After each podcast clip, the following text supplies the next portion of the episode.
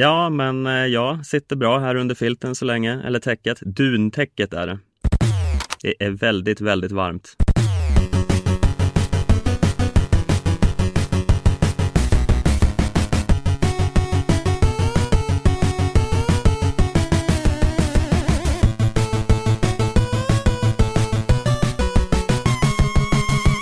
Ja men hallå, hallå skidsnackslovers! Uh, eh, ja, jag vet inte om ni kan riktigt tro era öron, men det är faktiskt så att vi redan är tillbaka.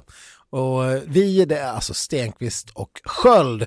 Men uh, när jag sitter och kollar rakt framför mig så, uh, ja, det är som att jag stirrar ut i tomma intet för att jag ser absolut ingen sköld som jag brukar göra. vi får väl se. Hallå! Hallå! Hallå, hallå! På Hör en, du mig? Ja, ja, på en rasslig lina från ute i vida världen. Det här är nästan... Ja, tänka sig. Var är du någonstans, Stefan?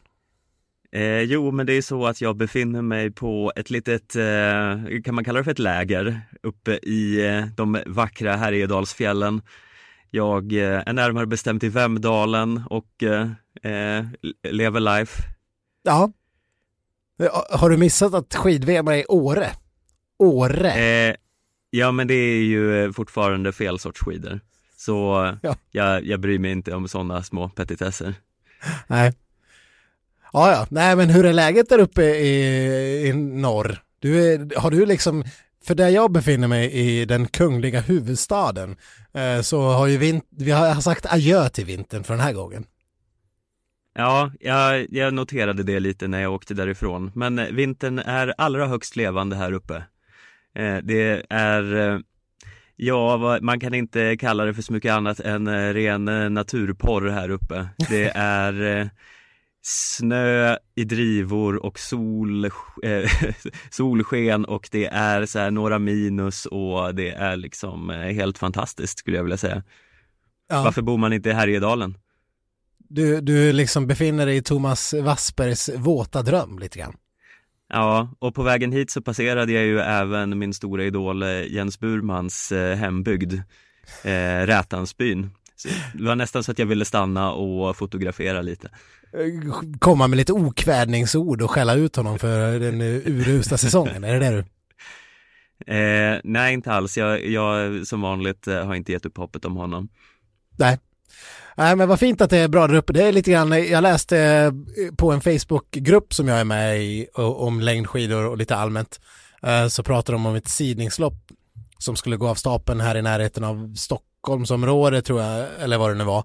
Eh, Och det hade arrangörerna sagt att ja, ta inte bästa paret skidor. Och jag, då kände jag, jaha, man ska inte, hur många par skidor är det tänkt att man ska ha om man ska vara en riktig skidåkare? Tydligen ett gäng. Och, men det var någon putslustig kommentar att nej men någon som var lite gammal i gamet sa att äh, det vet vi alla att det bästa paret skidor det tar man inte, det använder man inte söder om Dalälven. Och nu, Nej. nu när det är som det är så kan man ju lite kanske, att killen kanske hade en poäng. Ja. Ja, här uppe är det inga problem i alla fall. Jag var ju ut på en liten sväng i morse. Eh, gav mig ut i något som jag endast kan beskriva som eh, eh, Alpe Cermis eh, inledning. Eh, det var, Ja, Alpe- visste inte riktigt vart jag var på väg, men det var en väldigt, väldigt eh, mycket uppför eh, på någon slags transportled mellan Vemdalen och Björnrike här som jag råkade hamna på. Så det, det var väldigt, väldigt mycket uppför. Sen blev det väldigt, väldigt mycket nerför på vägen hem. Så det är, var, är, är du säker på att det faktiskt var längdskidspåret du hade kommit på? Ja, de var väldigt fina i alla fall, så jag vet inte annars vad det var de hade satt ut där i, i vildmarken. Nej. Men så nu, nu, det känns ju skönt så här eh, i poddandets stund och kunna säga att man har begått skidpremiär i alla fall. Ja, ja, ja, jag får väl ändå avslöja att det lät inte som att det var spel för galleriet här när du skulle ge dig ut på och ut och ha längdskidspremiär med, med tanke på att det var poddande den här dagen när de nackades. Annars har ju du hållit på och hängt i den här, du som precis eh, gav eh, spott och spel till VM i Åre. Du är ju en eh, grensvikare av rang ah, jag, jag fördömer det här uttalandet och det grövsta. Jag vet inte alls vad du pratar om. Det kan ha hänt att jag har stått i någon backe och åkt lite bara för att se vad det är, hur det går till det där eh, eh, alpina sporten. Ja. Eh, men det är, det är ju inte rätt. Man kan göra så, men det är ju inte rätt. Nej, du har väl bara suttit i någon afterski ändå hela dagarna. Det är, det är väl inte många skär som görs varken på tvären eller, eller höjden eller vad man nu, allt vad det heter. Herregud. Eh, ja, nej som sagt, jag, jag, jag fördömer alla uttalanden från Stockholm här. Eh, mm. Men eh, eh själv då, hur, hur är läget där nere? Jo men eh, herregud, eh, förutom att vintern eh, sa adjö så har vi ju i poddandets stund nått av något av ett glädjebesked får man säga. Nämligen att, ja, det här är ju inget oväntat för er som har lyssnat på skitsnack så har vi varit inne på det här precis hela tiden från början att Stinas skada, ja det var väl inte så allvarligt som det först såg ut. Även om du de första rapporterna från skidlandslaget faktiskt var att det såg ut som att det skulle vara tufft att åka VM. Vi som är lite mer kännare, vi kunde ju se att nej, det där löser hon. Och det har hon ju gjort, för nu ska ju Stina åka till Sevat sägs det. Ja, det verkar ju så. Det, det känns ju oerhört skönt, eh, mest för att vi hade typ rätt från början. Eh, sen i andra hand skönt att eh, vi får ha Stina i VM också. Ja, det är det ju verkligen. Hon är ju som vi har varit inne på Eh, Eh, många, många, många gånger vårat absolut största, hon är en medaljgaranti. Nu, nu skulle jag väl kunna säga att jag även skulle tänka mig att Ebba Andersson är lite av en medaljgarant för Sverige under VM. Eh, men Stina är, har ju varit på samma nivå av en medaljgarant i princip, även om det faktiskt är så att sprint ju lite, är lite mer nyckfullt. Man kan ju man kan ju åka bort sig, det har ju Stina gjort förut. Eh, så att det är klart, man, det räcker ju med ett fall så är man borta. Medan Ebba eh, har lite, det är lite mer marginaler för att hon ska ta medalj. Hon har fler distanser och eh, eh ett fall på ett långlopp är inte lika skadligt som på sprint. Nej, så får man ju verkligen säga. Men, eh, och nu är det ju lite, nu är det lite svajigt då i och med den här eh, frånvaron om man fortfarande kan se henne som en lika stark medaljgarant. Men jag tycker annars att vi också börjar se lite av en medaljgarant nummer två efter eh, att ha sett Maja Dahlqvist helg efter helg och nu även senast i helgen då hon klev in och tog en tredje plats och var missnöjd. Ja, Ja men verkligen och jag, jag, vet inte om man får säga det men jag känner mig också lite missnöjd när hon inte liksom kunde spurta förbi Falla där i sprinten men uh, uh, ja herregud sen visar hon ju i sprintstafetten att hon är ju verkligen så här bra någonstans. Ja, ja det kändes som att då, nu fan ska, ska jag bara liksom bräcka Falla för att visa henne att uh, så här får det inte gå till. För hon hade ju lite oflyt där i den vanliga sprinten på väg in på själva upploppet. Mm. Eh, och inte riktigt han ta sig förbi men eh, alltså nu nu går man ju bara och väntar på första segern här lite. Hon kan ju vinna. Hon har ju blivit så pass ja. alltså superstabil där uppe. Så det, ja, jag börjar känna nästan lite medaljgaranti på Maja Dahlqvist också. Ja, men precis. Det är, och det är ju faktiskt så att vi har ju så, vi har ju så otroligt brett eh, lag på damsprinten. Det, nu har vi fått reda på att Ida Ingmarsdotter inte kommer få åka någon damsprint. Jag inte heller eh, eh Evelina Settlin. Settlin får inte åka och det är fler aspiranter som hade kunnat fått åka som inte kommer få göra Moa Lundgren och, ja, och så vidare. Eh, Hanna Falk fick den sista platsen. Det, det kan man ju säga en del saker om. Eh, nu var hon ju kanske bäst i det som var typ uttagningsloppet, om man nu skulle säga så, även om man hade också sagt att det inte var en amerikansk uttagning utan att man skulle även ta i beaktande större delen av säsongen och jag kan förstå lite Idas besvikelse, hon har varit tvåa, hon ligger femma, eller låg i alla fall innan femma i totala sprintkuppen. Mm. Det är ju rätt stört att vi har en tjej som är femma i totala sprintkuppen som inte kommer få åka sprint. Ja, nej, jag, jag vet inte om jag ska säga att jag är, är eh, säger att det är fel, men jag jag vet inte. Jag känner, är inte lite fel ändå? Skulle man inte slänga in Ida Ingemarsdotter på den där sista platsen? Jo, jag håller med. Eh, jag, ja. jag, det gör jag. Och det talas också om att eh, den här banan som kommer vara i C-fält är, är, är mer lik den som eh, då, då Ida var framgångsrik snarare än, än den som de åkte nu i Latti. Eh, så, ah, nej, jag vet inte. Men samtidigt, det går inte, det går inte och det blir ju liksom lite hårklyverier för båda har ju gjort resultat. Jag menar, i, Hanna är ju verkligen jämnheten själv i prologer. Hon har, jag vet inte hur många prologer hon har vunnit.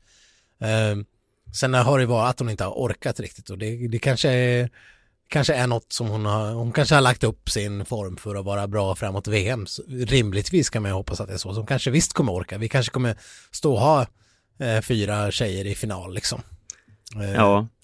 Det är synd att... Som säsongen har sett ut är ju inte det alldeles, alldeles omöjligt. Det, det är ju lite synd att inte vi har regerande världsmästare än, för då vi hade haft fem platser. Det hade inte varit mer än rätt det här året.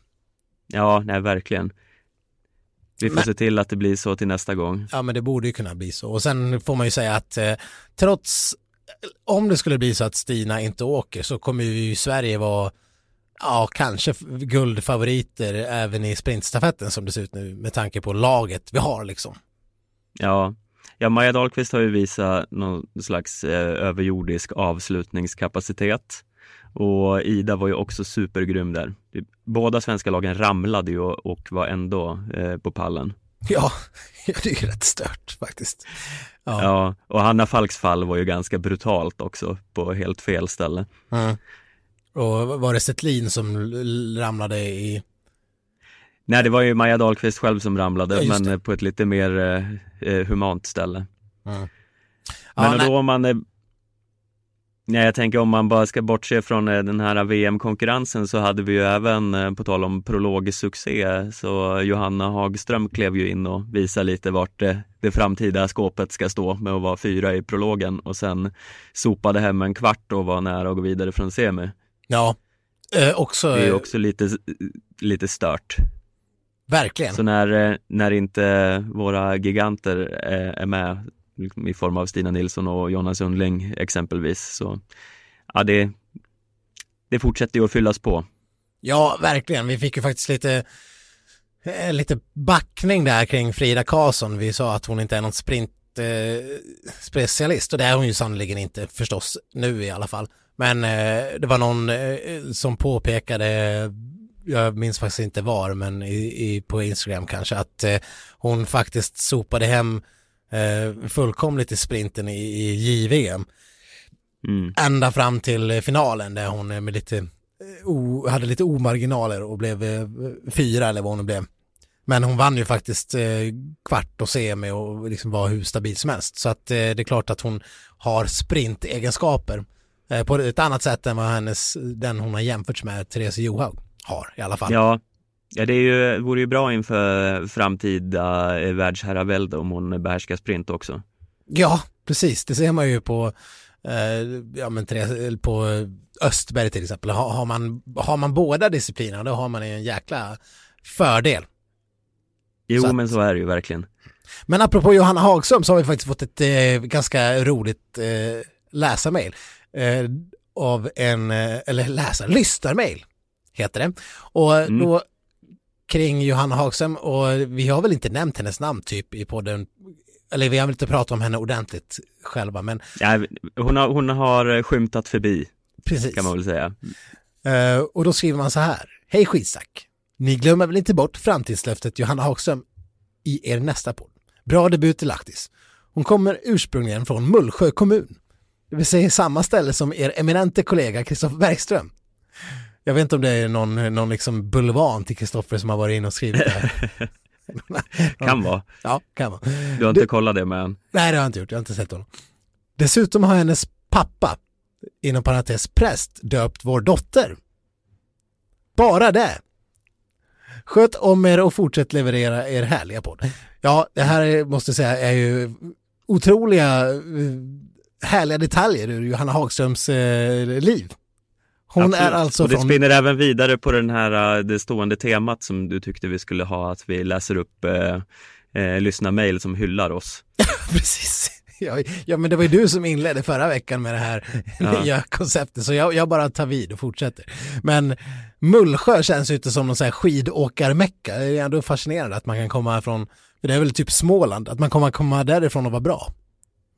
Ja, ja men det, det kanske finns något, eh, något litet dolt spår där som, som pressar fram världstalanger. Ja. Vad som däremot är en småländsk eh, specialitet, det är ju att vara eh, kristen, så att hennes pappa är präst känns ju helt rätt i, i linje med hennes småländska verksamhet. Ja, ja nej men det Ja, det är skönt att man kan kan härleda någonting. Ja, Nej, så det var ett, ett härligt eh, lyssnarbrev och eh, ja, får väl, man får väl tänka sig att vi kommer få anledning att uh, prata mer om Johanna Hagström. Hon gjorde som sagt en, en supervärldscupdebut. Ja, kanske redan nästa vecka för hon ska ju åka igen nu i, eh, i världskuppen i Konj Ja, eh, i helgen. Och Men- där, kör. ja, eh, och det ska ju bli kul såklart att se henne igen, men det är väl kanske inte det eh, främsta utropstecknet egentligen, för vi måste ju ändå belysa att vi äntligen, äntligen får se Frida Karlsson i världskuppen. Ja, det känns Och ju det- helt fantastiskt. Eh, är det sagt? Ja. Ja, för, förlåt. Kör. Vi har lite distansproblem här tydligen. Ja. Eh, nej men eh, sen, eh, den, är- det måste ju då ändå sägas att den är ju lite urvattnad den här världskuppen. Den eh, saknar ju de allra eh, största, men eh, ändå, det är ju en intressant ung trupp Sverige skickar i alla fall. Med, med mycket framtidsnamn. Ja, och en jättelik trupp dessutom. Jag vet inte hur många namn vi, vi skulle skicka iväg. Eh, det det är ju sprint och distans och jag tror att ja, jag kan läsa upp truppen eh, bara så att ni får höra hur otroligt många namn det är. Sprint ska Anna Dyvik, Johanna Häggström, Moa Lundgren, Elina Rönnlund, Linn Sömskar och Lisa Vinsa åka. Alltså typ sju stycken eh, namn eller sex. På här sidan ska Martin Bergström, Marcus Grate, Johan Häggström, Hugo Jakobsson, Falu-Borlänge, Olof Jonsson, Trillevallen och Carl-Johan Westberg ska åka. Eh, Medan på distans har vi Anna Dyvik, Frida Karlsson, Maria Nordström, Elina Rönnlund, Linn Sömskar och Lisa Vinsa och herrar distans eh, lillebrorsan Fredrik Andersson, Axel Ekström, Jonas Eriksson, Simon Lagersson, Erik Rosjö och Gabriel Thorn. Våran herrtrupp här är alltså typ dubbelt så stor som våran herrtrupp i VM. Ja, faktiskt. Det är Ja. lite kul. Ja, och där har vi ju eh, Rosjö och Fredrik Andersson är ju två av de här reserverna på distans till VM som kommer vara på hemmaplan va? Ja, precis. Så att, eh, nej men det ska bli jäkligt spännande att se Frida få mäta sig med i alla fall delar av världseliten. Det är ju det här, det här är det här loppet eh, veckan före VM som brukar ha varit lite av, förut har jag, rent historiskt har jag i alla fall för mig att många distansåkare brukar vara med och, och köra det här och, och någon, eh, jag vet att Daniel Rickardsson någon gång utklassade resten av världseliten på 15 kilometer klassisk i en så här lopp som var en vecka före den distansen på VM och sen, sen jag vet inte om vi blev typ bortvallade eller vad det var. Man blev liksom, man hade räknat hem ett VM-guld redan för att han såg så otroligt överlägsen ut. Men rent Ja. historiskt så brukar det ju, vad jag minns i alla fall, vara ganska många bra åkare. Men att döma av Sverigetruppen så har man ju lämnat sina bästa namn hemma. Ja, vi ska ju inte glömma att det var ju ett sånt här lopp som Jenny Öberg gick och vann för några år sedan. Ja, men det Eh, var ju det- också när det var typ eh, Ja, det var ju i Pyeongchang. Ja, precis, för OS, bara någon vecka före VM och så där det är kan man kanske ju, lite enklare att åka till Italien än till eh, Sydkorea. ja, ja, någonstans ändå. Nej, men det, Det är lite, bli, Skidskyttarna håller ju på nu och är på någon eh, liten vansinnestour i Kanada där det är liksom 150 minus. ja, och och- där, där höll vi ju Elisabeth Högberg på att frysa ihjäl. Hon blev ju lite av en viral succé när hon la ut någon bild när de stod innanför man typ rymddräkter på sig för att ens kunna stå ut och så här Darth Vader-mask. Ja, ja nej, det, det hade ju såklart varit trist om hon hade fryst ihjäl. Ja, på alla sätt. Men eh, nej, där är det ju samma sak. De har ju Så, Sverige har ju bojkottat de där tävlingarna i princip inför eh, Åre VM som drar igång ja, men strax efter Sefält-VM. Så att det, Östersunds det är ju... VM får vi ändå eh, säga. Eh, nu är du inne på fel, fel sorts skidor här. Ja, det blir mycket med det. Ja, det är mycket ja. VM nu. Tänk den här intensiva VM-perioden. Då har jag ändå bara med ett halvt öga kollat på det här eh, Årehärjet. Ja. ja.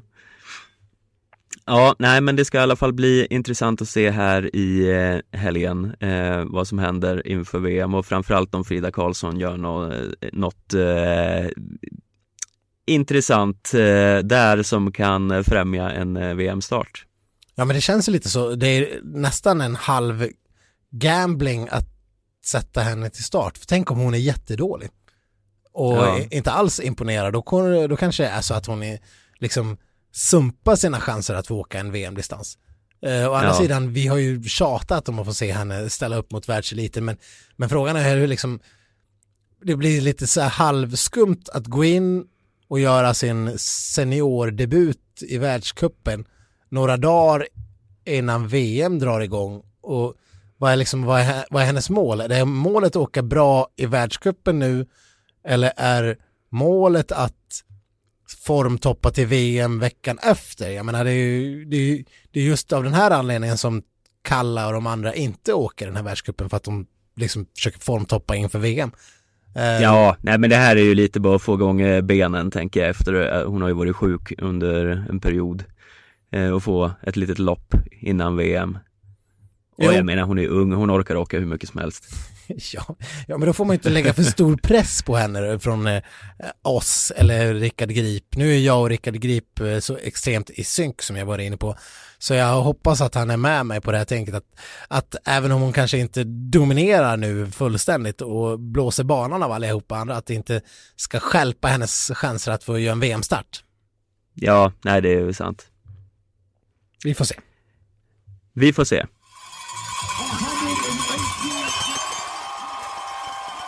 Ja, men eh, vi kan ju inte låta bli att eh, ta upp det här eh, uttalandet från eh, kungligt håll i veckan, eller vad säger du Viktor? alltså, ja, jag vet inte vad jag ska säga. Det, det, var, det, det var det roligaste jag har läst eh, på år och dagar. ja, Eh, det, var, det var ett, jag måste ändå säga att det är ett starkt uttalande. Eh, det här vi, vi ska inte göra som vi alltid gör här, att vi pratar om saker innan vi berättar vad det är. Eh, kungen har ju gått ut och eh, dissat Vasaloppet. Ja, alltså eh, diss är ju, är ju ett väldigt svagt ord i sammanhanget. Han har ju formligen sågat Vasaloppet jäms fotknölarna. Ja, det är lite motsvarigheten till när eh, Johaug eh, pissade på den eh, norska kungen för eh, fyra år sedan, eller när det nu var. ja, ja. Nej, men kungen har inför SVT uttalat sig om eh, spänningsgraden i Vasaloppet och säger mm. Vasaloppet är ju det tråkigaste som finns. Mm. det är jättefascinerande tycker jag, inleder kungen i SVTs vinterstudio, men tillägger, egentligen är det ju dödtråkigt. Vasaloppet är det tråkigaste som finns egentligen. Det händer ingenting, de bara åker. Först de sista kilometerna börjar de gasa på. ja. Te texten fortsätter. Kungen påtalar dock vikten av att inte slita blicken från tvn.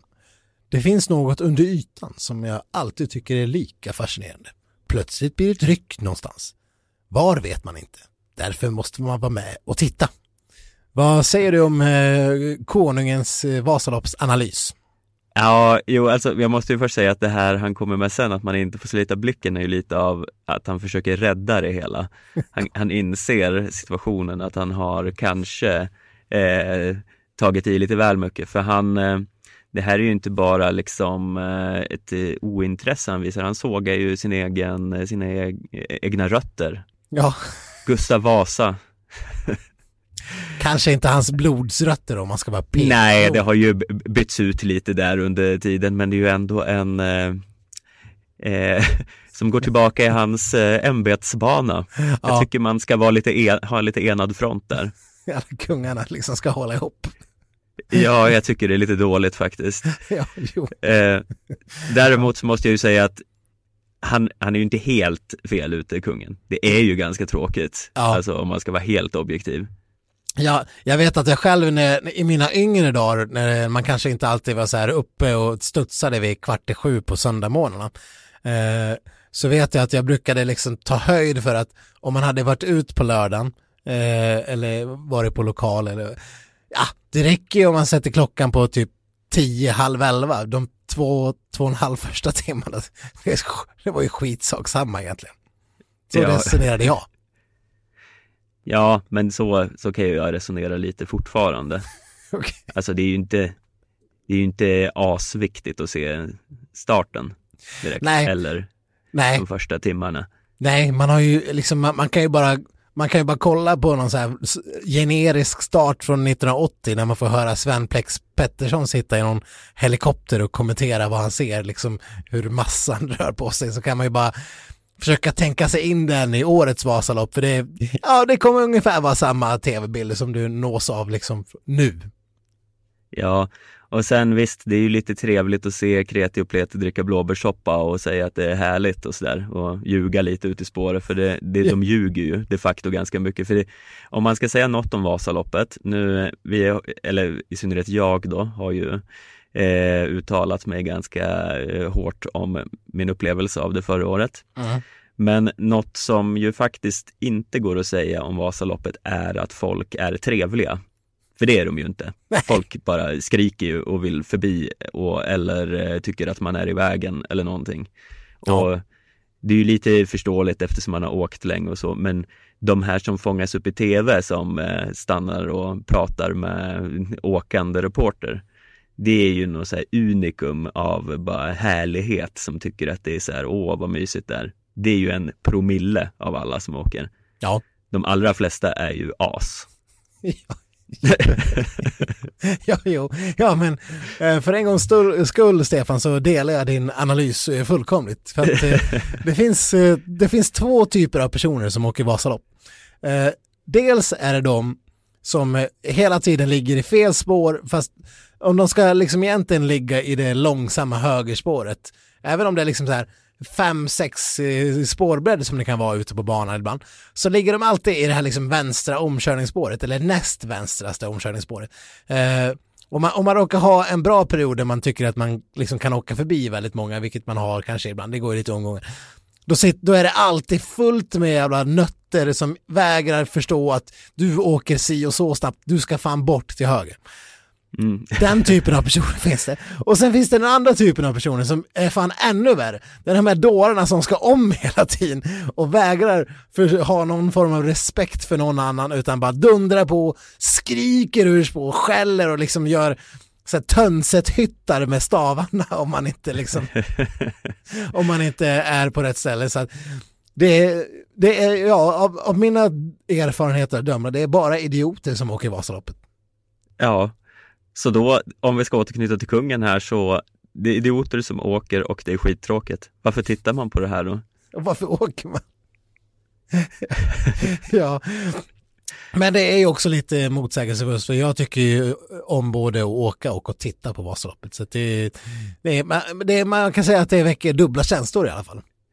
Ja, absolut. Alltså jo, ja, men det, på något sätt krävs det ju Alltså när man har åkt det själv och har ett förhållande till det så blir det ju lite Då blir det ju lite intressant på något sätt. Ja, Även om det kanske inte är hög eh, spännande att följa tätstriden i x antal timmar. nej. Men nej men det alltså, här med om man inte har ett förhållande till eh, skidsporten, vilket de allra flesta inte har, eh, då tycker jag att eh, ja men då är ju kungens uttalande liksom helt i linje med hur det är.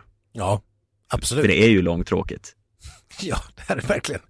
Ja, ja men herregud, och jag vet inte om det är som eh, eh, till exempel, visst, Johaug har ju liksom tagit död på spänningen i varenda, varenda lopp som har gått den här säsongen, men det finns ju ändå liksom Ja, men det finns lite spännande där bakom att följa och man kan liksom det, man kan se att det är liksom olika eh, faser i loppen där olika folk åker olika bra och man, det är lite spänning om pallplatserna och sådär men långloppskuppen sitta och kolla på när Britta Johansson Norgren eller, eller han norsken, vem det nu är som är bra nu för tiden, bara vinner 90% av alla lopp och, och det är liksom, ja, nej men det är ju så erbarmligt tråkigt. Jag, mm. jag, jag kan förstå kungen men det kanske var lite kanske var lite väl hårda ord om just Vasaloppet som ändå liksom ligger lite mer i folksjälen kanske än, än Marcialonga.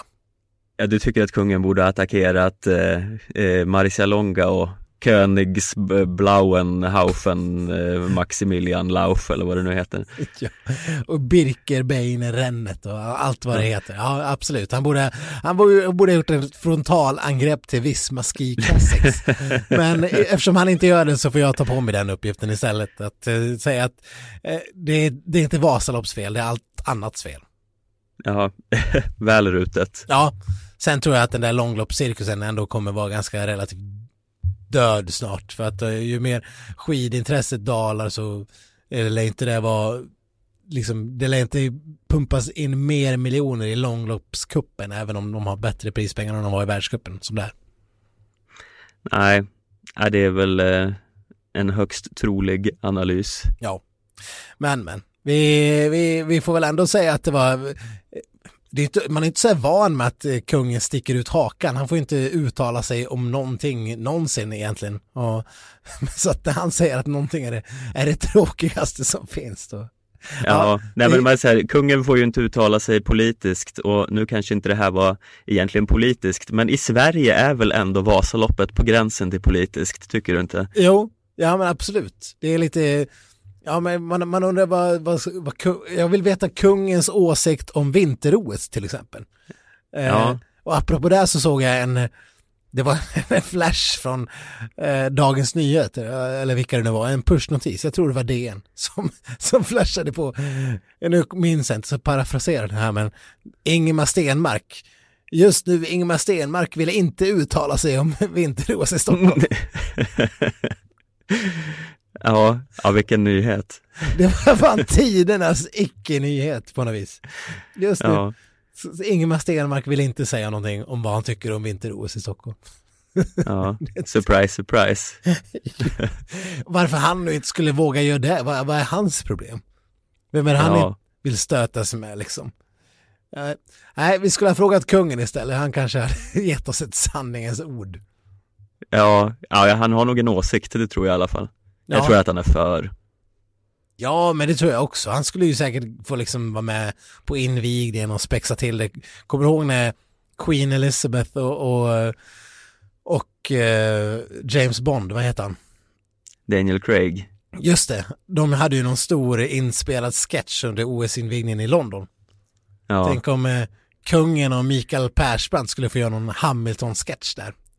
Ja, eller kungen och Johan Falk. Kungen eller kanske... Falk, ja. Eller kungen och Lisbeth mm. Salander. Ja, ja det... Ja, kungen och Lisbeth Salander, vad skulle de kunna koka ihop? Noomi Rapace liksom eh, återkomsten i Salander-kostymen bara för att göra, mm. spela in en sketch till eh, OS-invigningen i Stockholm 2026. Herregud. Kungen har råkat gå på något så här uh, Nigeria-brev eller något sånt där, någon, uh, någon scam. Och så kommer Lisbeth Salander och ska uh, lösa biffen åt han. Ja. Jag vet inte vad det här har med OS att göra riktigt men Nej men det, det har väl frågan med en, en rikets säkerhet uppenbarligen. De har ju liksom kommit över kungens hemliga OS-dokument som hon måste ja. hitta tillbaks. Ja det här, ja, herregud, det, här, det är bara att sätta oss och skriva manus direkt. Ja, ja det är hög tid. Ryan Reynolds here from Mint Mobile. With the price of just about everything going up during inflation, we thought we'd bring our prices down. So to help us, we brought in a reverse auctioneer, which is apparently a thing. Mint Mobile unlimited premium wireless. Ready to get 30, 30, bit to get 30, bit to get 20, 20, 20, bit to get 20, 20, bit to get 15, 15, 15, 15 just 15 bucks a month. So, Give it a try at mintmobile.com/switch. slash $45 up front for 3 months plus taxes and fees. Promo rate for new customers for limited time. Unlimited more than 40 gigabytes per month slows. Full terms at mintmobile.com.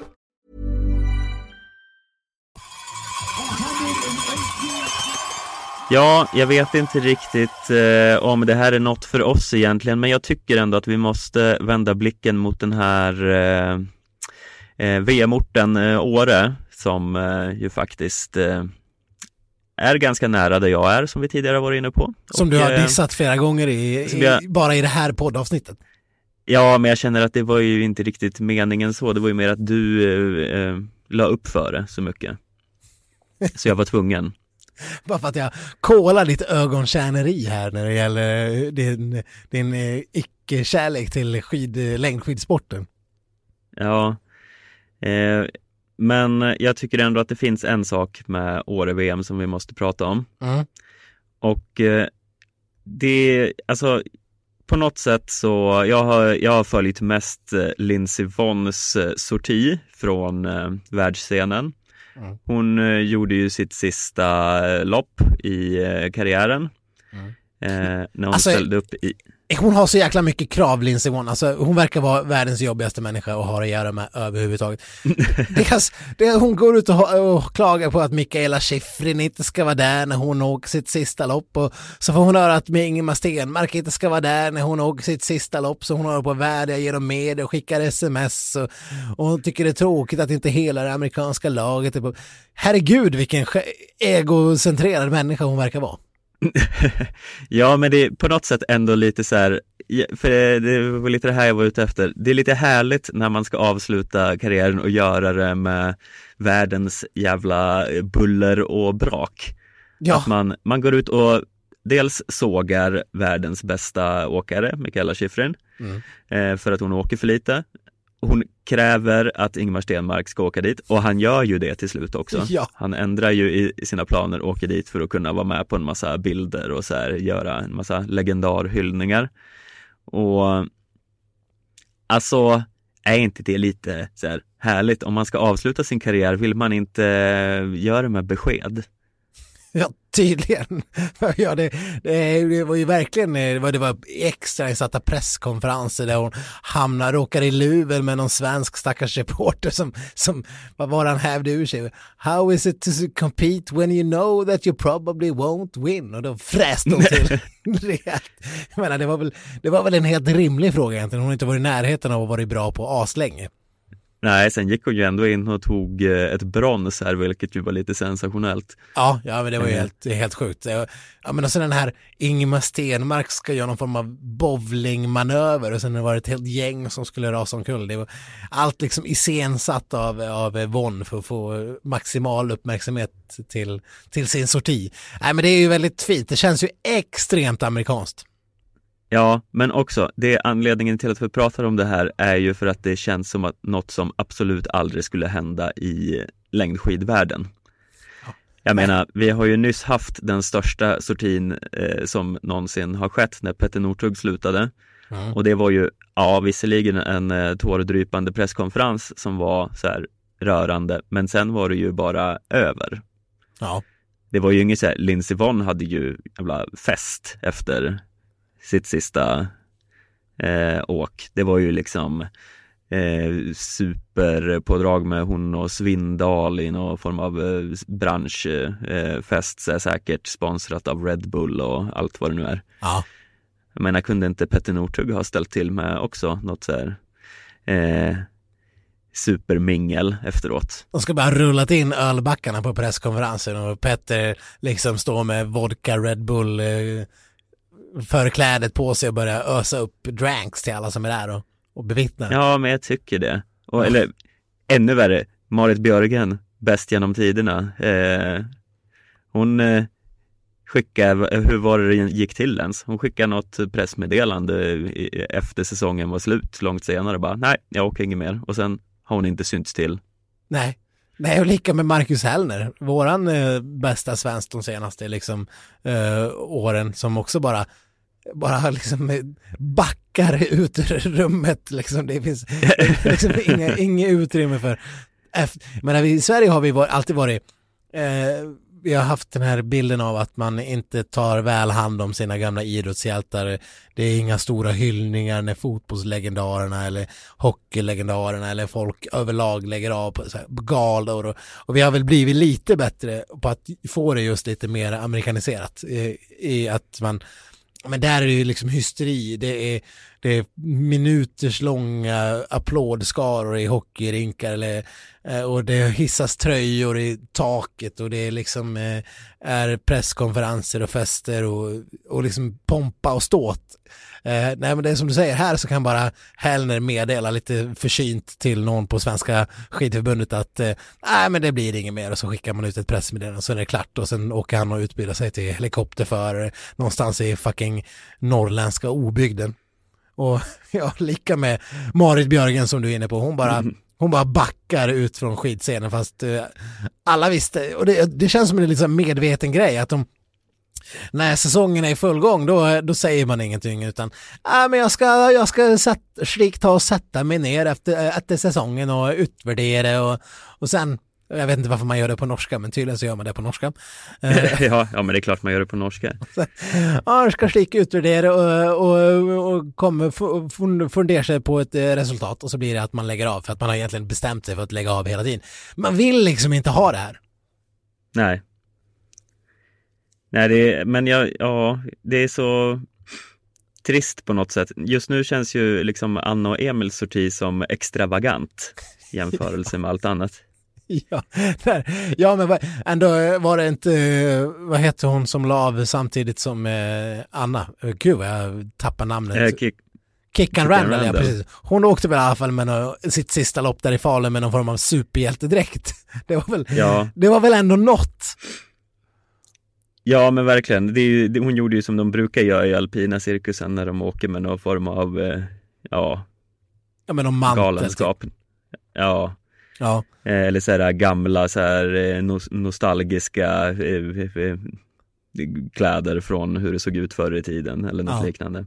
Men vad var det, jag har för mig att vi hånade lite grann, eller ja, som att vi någonsin skulle håna någonting. Vi kanske, vi kanske skrattade lite åt vad, vad de svenskarna hade gjort åt Anna och Emil inför sista loppet. De hade ju varit typ ute och, vad sa vi, köpt något, någon jävla uppblåsbar Ja men det var ju nästan My Little Pony badlakan som de fick ha runt halsen liksom och det var en liten lustig krona. Ja, Ja, men precis, någon sån här plasttiara. Det var, mm. Som hade köpt på Buttericks. Ja, det var väldigt, ja. lite mer såhär studentikost snarare. Ja, Nils Yvonne skulle aldrig ha tagit på sig en, eh, en eh, sån här Buttericks-krona. Nej, Nej men det var liksom inte den här stämningen av att eh, Börje Salming åker och spelar match i Canada Cup eh, typ 76 eh, eller vad det nu är när han åker runt i Toronto och de applåderar i 16 minuter liksom åt sin liksom största legendar inom alla tider. Inte, inte den typen av hyllning. Nej, inte riktigt. Nej. Men det är det liksom, nu, ja, om man ska koka ihop det här till något med varför vi, varför vi tar upp det här. Men ja. jag tycker ju lite att det, liksom, eh, det sammanfattar lite att eh, den alpina världen har lite mer, eh, ja men de har lite de här rockstjärnorna ändå som längdskidsporten saknar. Det blir liksom mycket kring det och man, man minns, även om så här, Lindsey Vonn inte har gjort något stort på evigheter, så hon har ju varit så extremt framträdande och man, hon har ju byggt sitt eh, personliga varumärke lite som på, ja men som Petter Northug är den enda som har varit i närheten av att göra i längdskidsporten. Ja. Men i alpina har det funnits så pass många sådana här. Det är ju liksom amerikanerna har ju strösslat med en del. Det har ju varit hon och Bodie Miller och sådana här. Och jag menar, det, nu, det finns många kriser i längdskidsporten att eh, vad fan, de måste, det måste komma någon sån här superstar snart. Ja, Känner men har, det? har det inte lite med liksom cashflow att göra liksom? Det, när, det, det, när det finns, när det väl kommer en sån som kanske tjänar grova pengar och blir en superstar som Petter Northug ändå var. Eh, mm. Då blir det lite drag också kring honom. Det är, det är kring honom som det har varit drag i, i längdsporten de senaste 10-15 åren. Mycket, man kan ju säga mycket om Marit Björgen och hennes, eh, att hon är världens största skidåkare genom alla tider, liksom män och mm. kvinnor inkluderat, uh, utan, utan att överdriva det ens lite grann. Men det har inte varit något drag kring henne. Nej, det kan man ju inte riktigt påstå. Så att, eh, det, det, men det, krä, det krävs nog cash och det krävs en, eh, en, ett bra, en bra attityd, alltså en, lite av en galningsattityd. Sen, sen behöver man inte åka runt och vara rattfull och, och härja. Nej, men man, man kan väl i alla fall bli tillsammans med Tiger Woods eller något sånt där. Ja, Alltså, man måste ju tänka lite bredare. Ja men precis, Von har väl, nu ska inte jag säga att jag är någon Von-expert, men det finns ju liksom inga, inga skandaler som omgärdar henne. Det är bara att hon är liksom en kändis. Hon är en idrottare Ja. och en kändis. Ja, precis. Det är det. Det skulle behöva lite, behövas lite kändisar, helt enkelt. ja. Frågar man gemene man vem eh, Johannes Hösflot Kläbo är, det är ju ingen som vet vem han är. Nej. Nej, Och och då har då, ju han ändå kört på en gravid kvinna nyss och ska upp i rätten. ja, precis. Där de yrkar på att han ska få sitta i finkan dessutom. Och det är ju inte, Ja. det är inte som så att vi sitter och är kändiskåta och vill att eh, bara för att vi vill att folk ska vara kändisar för att de ska vara kända, utan det är ju bara för att hela jävla längdskidvärldens framtid hänger ju på det här. Ja.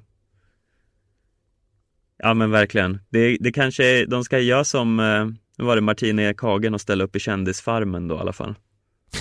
Kändisfarmen, ja, ja, ja men, ja men precis, vi kanske får se, till att lobba för att eh, det inte bara är liksom avdankade skidåkare som ställer upp i Let's Dance eller, eller eh, Mästarnas mästare, Eh, Mästarnas mästare kanske man inte får vara med i, men liksom Let's Dance åtminstone, eller, eller eh, Ja, inte vet jag, är bättre, smartare än en femteklassare? Eller ja, några andra kändisgenererande program. Typ. Kanske inte Ja. just är du smartare än en femteklassare, men hur som helst, och apropå den saken så hörde jag, fick en, vi fick också en fråga om vi inte skulle prata om Anna och Emils eh, äventyr i Superstars. Ja, det har vi Eh. lovat faktiskt. Eh, Ja, och Men jag ska erkänna att jag varit lite dålig på att följa det. jag, jag med. Ja, det var faktiskt min sambo som frågade, skulle du inte kolla på det här? Jag bara, va? Vad ska jag kolla på det? Ja, men och Emil är med. Jaha, ja, ja. Nej, men enligt Ja. ett, ett lyssnarmail så har de också dominerat fullständigt, så vi kanske måste kolla på det. Ja, vi får binge-kolla på Superstars då. Ja, Eh, gud, jag längtar. ja.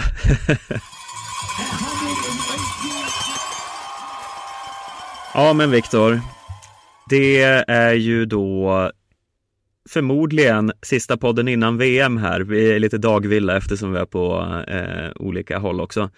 Eh, men eh, vad säger du inte att vi borde kanske tippa lite?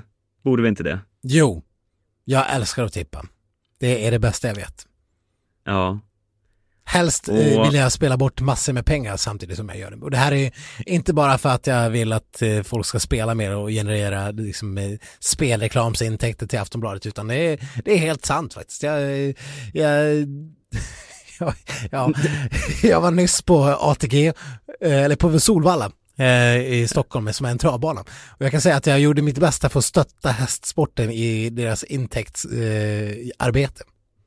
Ja, det var alltså för att ge igen efter alla uttalanden du har gjort kring eh, Jerringpriset. Ja, precis. Ja.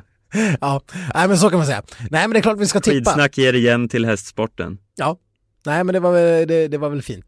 Eh, men du, du menar väl VM här va? Ja, jag menar VM. Mm, Eh, ja. Vi ska inte tippa på något travhästar eller, eller Jerringpris nu.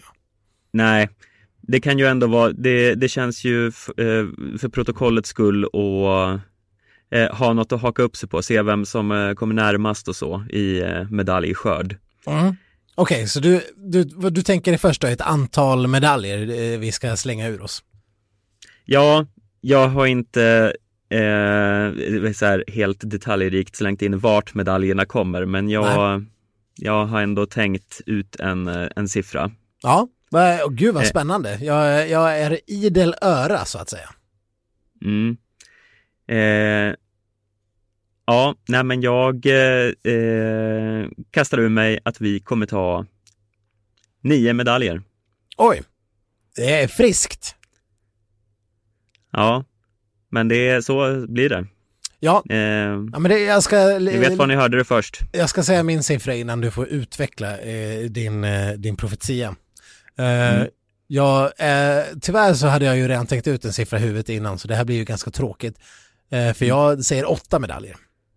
Ja, Men twisten här är ju att jag säger att herrarna kommer att ta totalt noll medaljer Oj, oj, oj. och damerna kommer att ta totalt åtta medaljer. Mm. Ja, alltså jag har inte heller sån hög tro på herrarna, utöver att jag tror att eh, Kalle Halvarsson, eh, som jag var inne på i förra podden, har blivit bäst i världen. Och eh, därav så kommer han att klämma till med en medalj. I... I det klassiska 15 km loppet. Ah, trevligt. Det är ändå hans huvudmål också. Mm. Nej men så här va, eh, jag tror att vi har givna medaljer i, ja men om vi inte skulle bli brutalt bortvallade eh, eller ramla omkull i båda stafetterna så har vi medalj där. Eh, sprintstafetten är väl i klassisk stil så den är väl förstås lite nyckfull. Eh, men det borde kunna bli medalj. Och eh, den traditionella stafetten, där ska det ju vara medalj om vi inte vallar bort oss fullständigt. Det, alltså, skulle vi missa medalj i den då är det ju ett gigantiskt misslyckande för så pass starkt distanslag ska vi ha att vi ska ju vara absoluta Ja, huvudkonkurrenter till Norge. Ja, det tycker man ju. Så allt annat än medalj där är ju ett jättemisslyckande. Sen tror jag att vi kommer ta, ja men man måste väl ändå säga att om Stina kör så är det ju Stina och Maja, men jag tror på två individuella sprintmedaljer.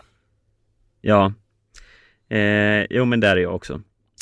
Och sen är det väl då Ebba, eh, jag tror framförallt Ebba, jag tror att eh, hon kommer vara eh, den som får axla eh, distansmedalj favoritskapet från svenskt håll. Så eh, hon kanske rent av tar tre,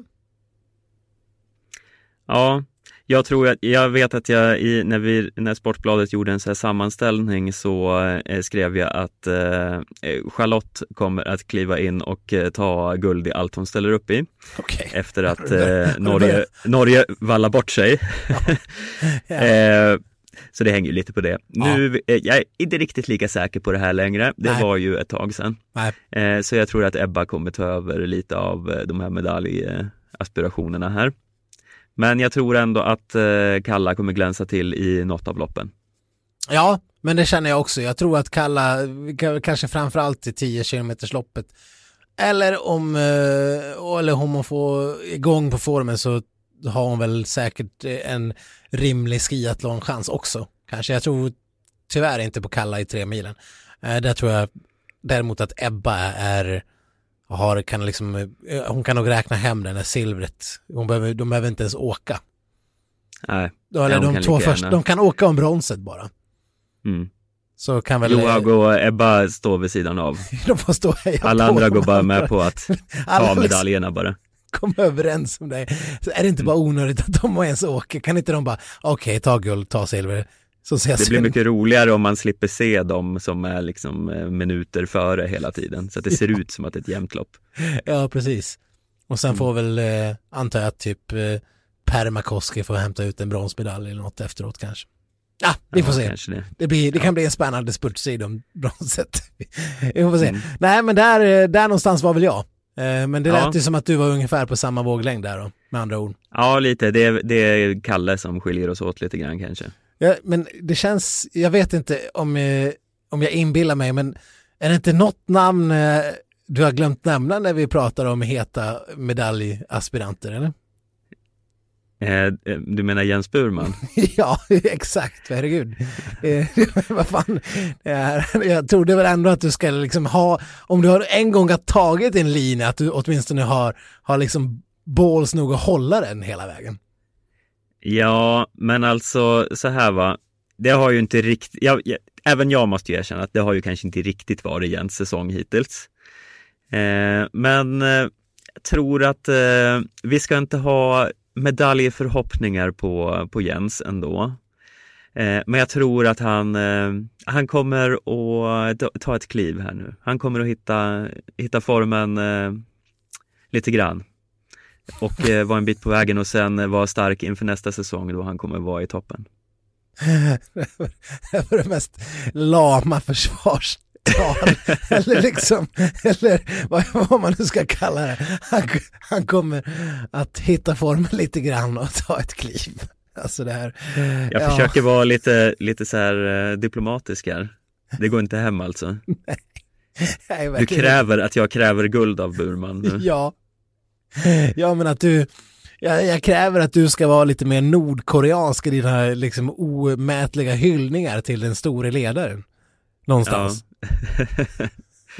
Ja, Och att du liksom, eh, att du i efter, i någon form av post-VM-podd går in och är lite mer Bagdad-Bob kring vad egentligen Jens Burman åstadkom under VM.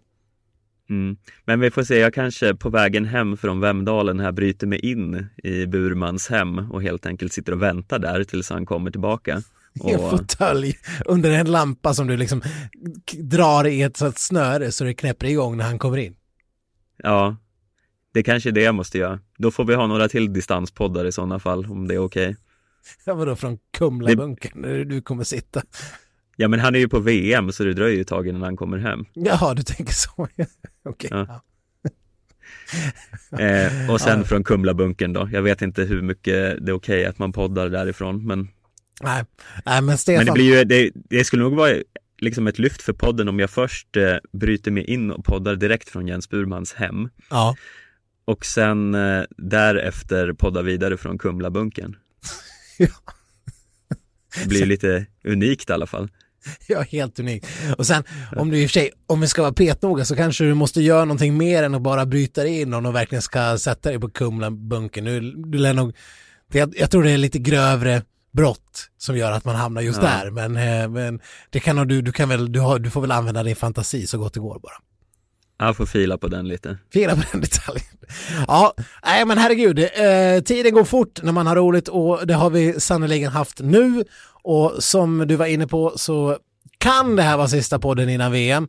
Eh, ärligt talat så har vi inte gjort upp någon riktigt bra publiceringsplan för hur vi ska lägga upp det. För eh, veckan efter att den här podden spelas in så drar ju VM igång på torsdagen. När ni lyssnar på det här så kommer det vara eh, VM drar igång på Onsdagen torsdag. till och med är det väl?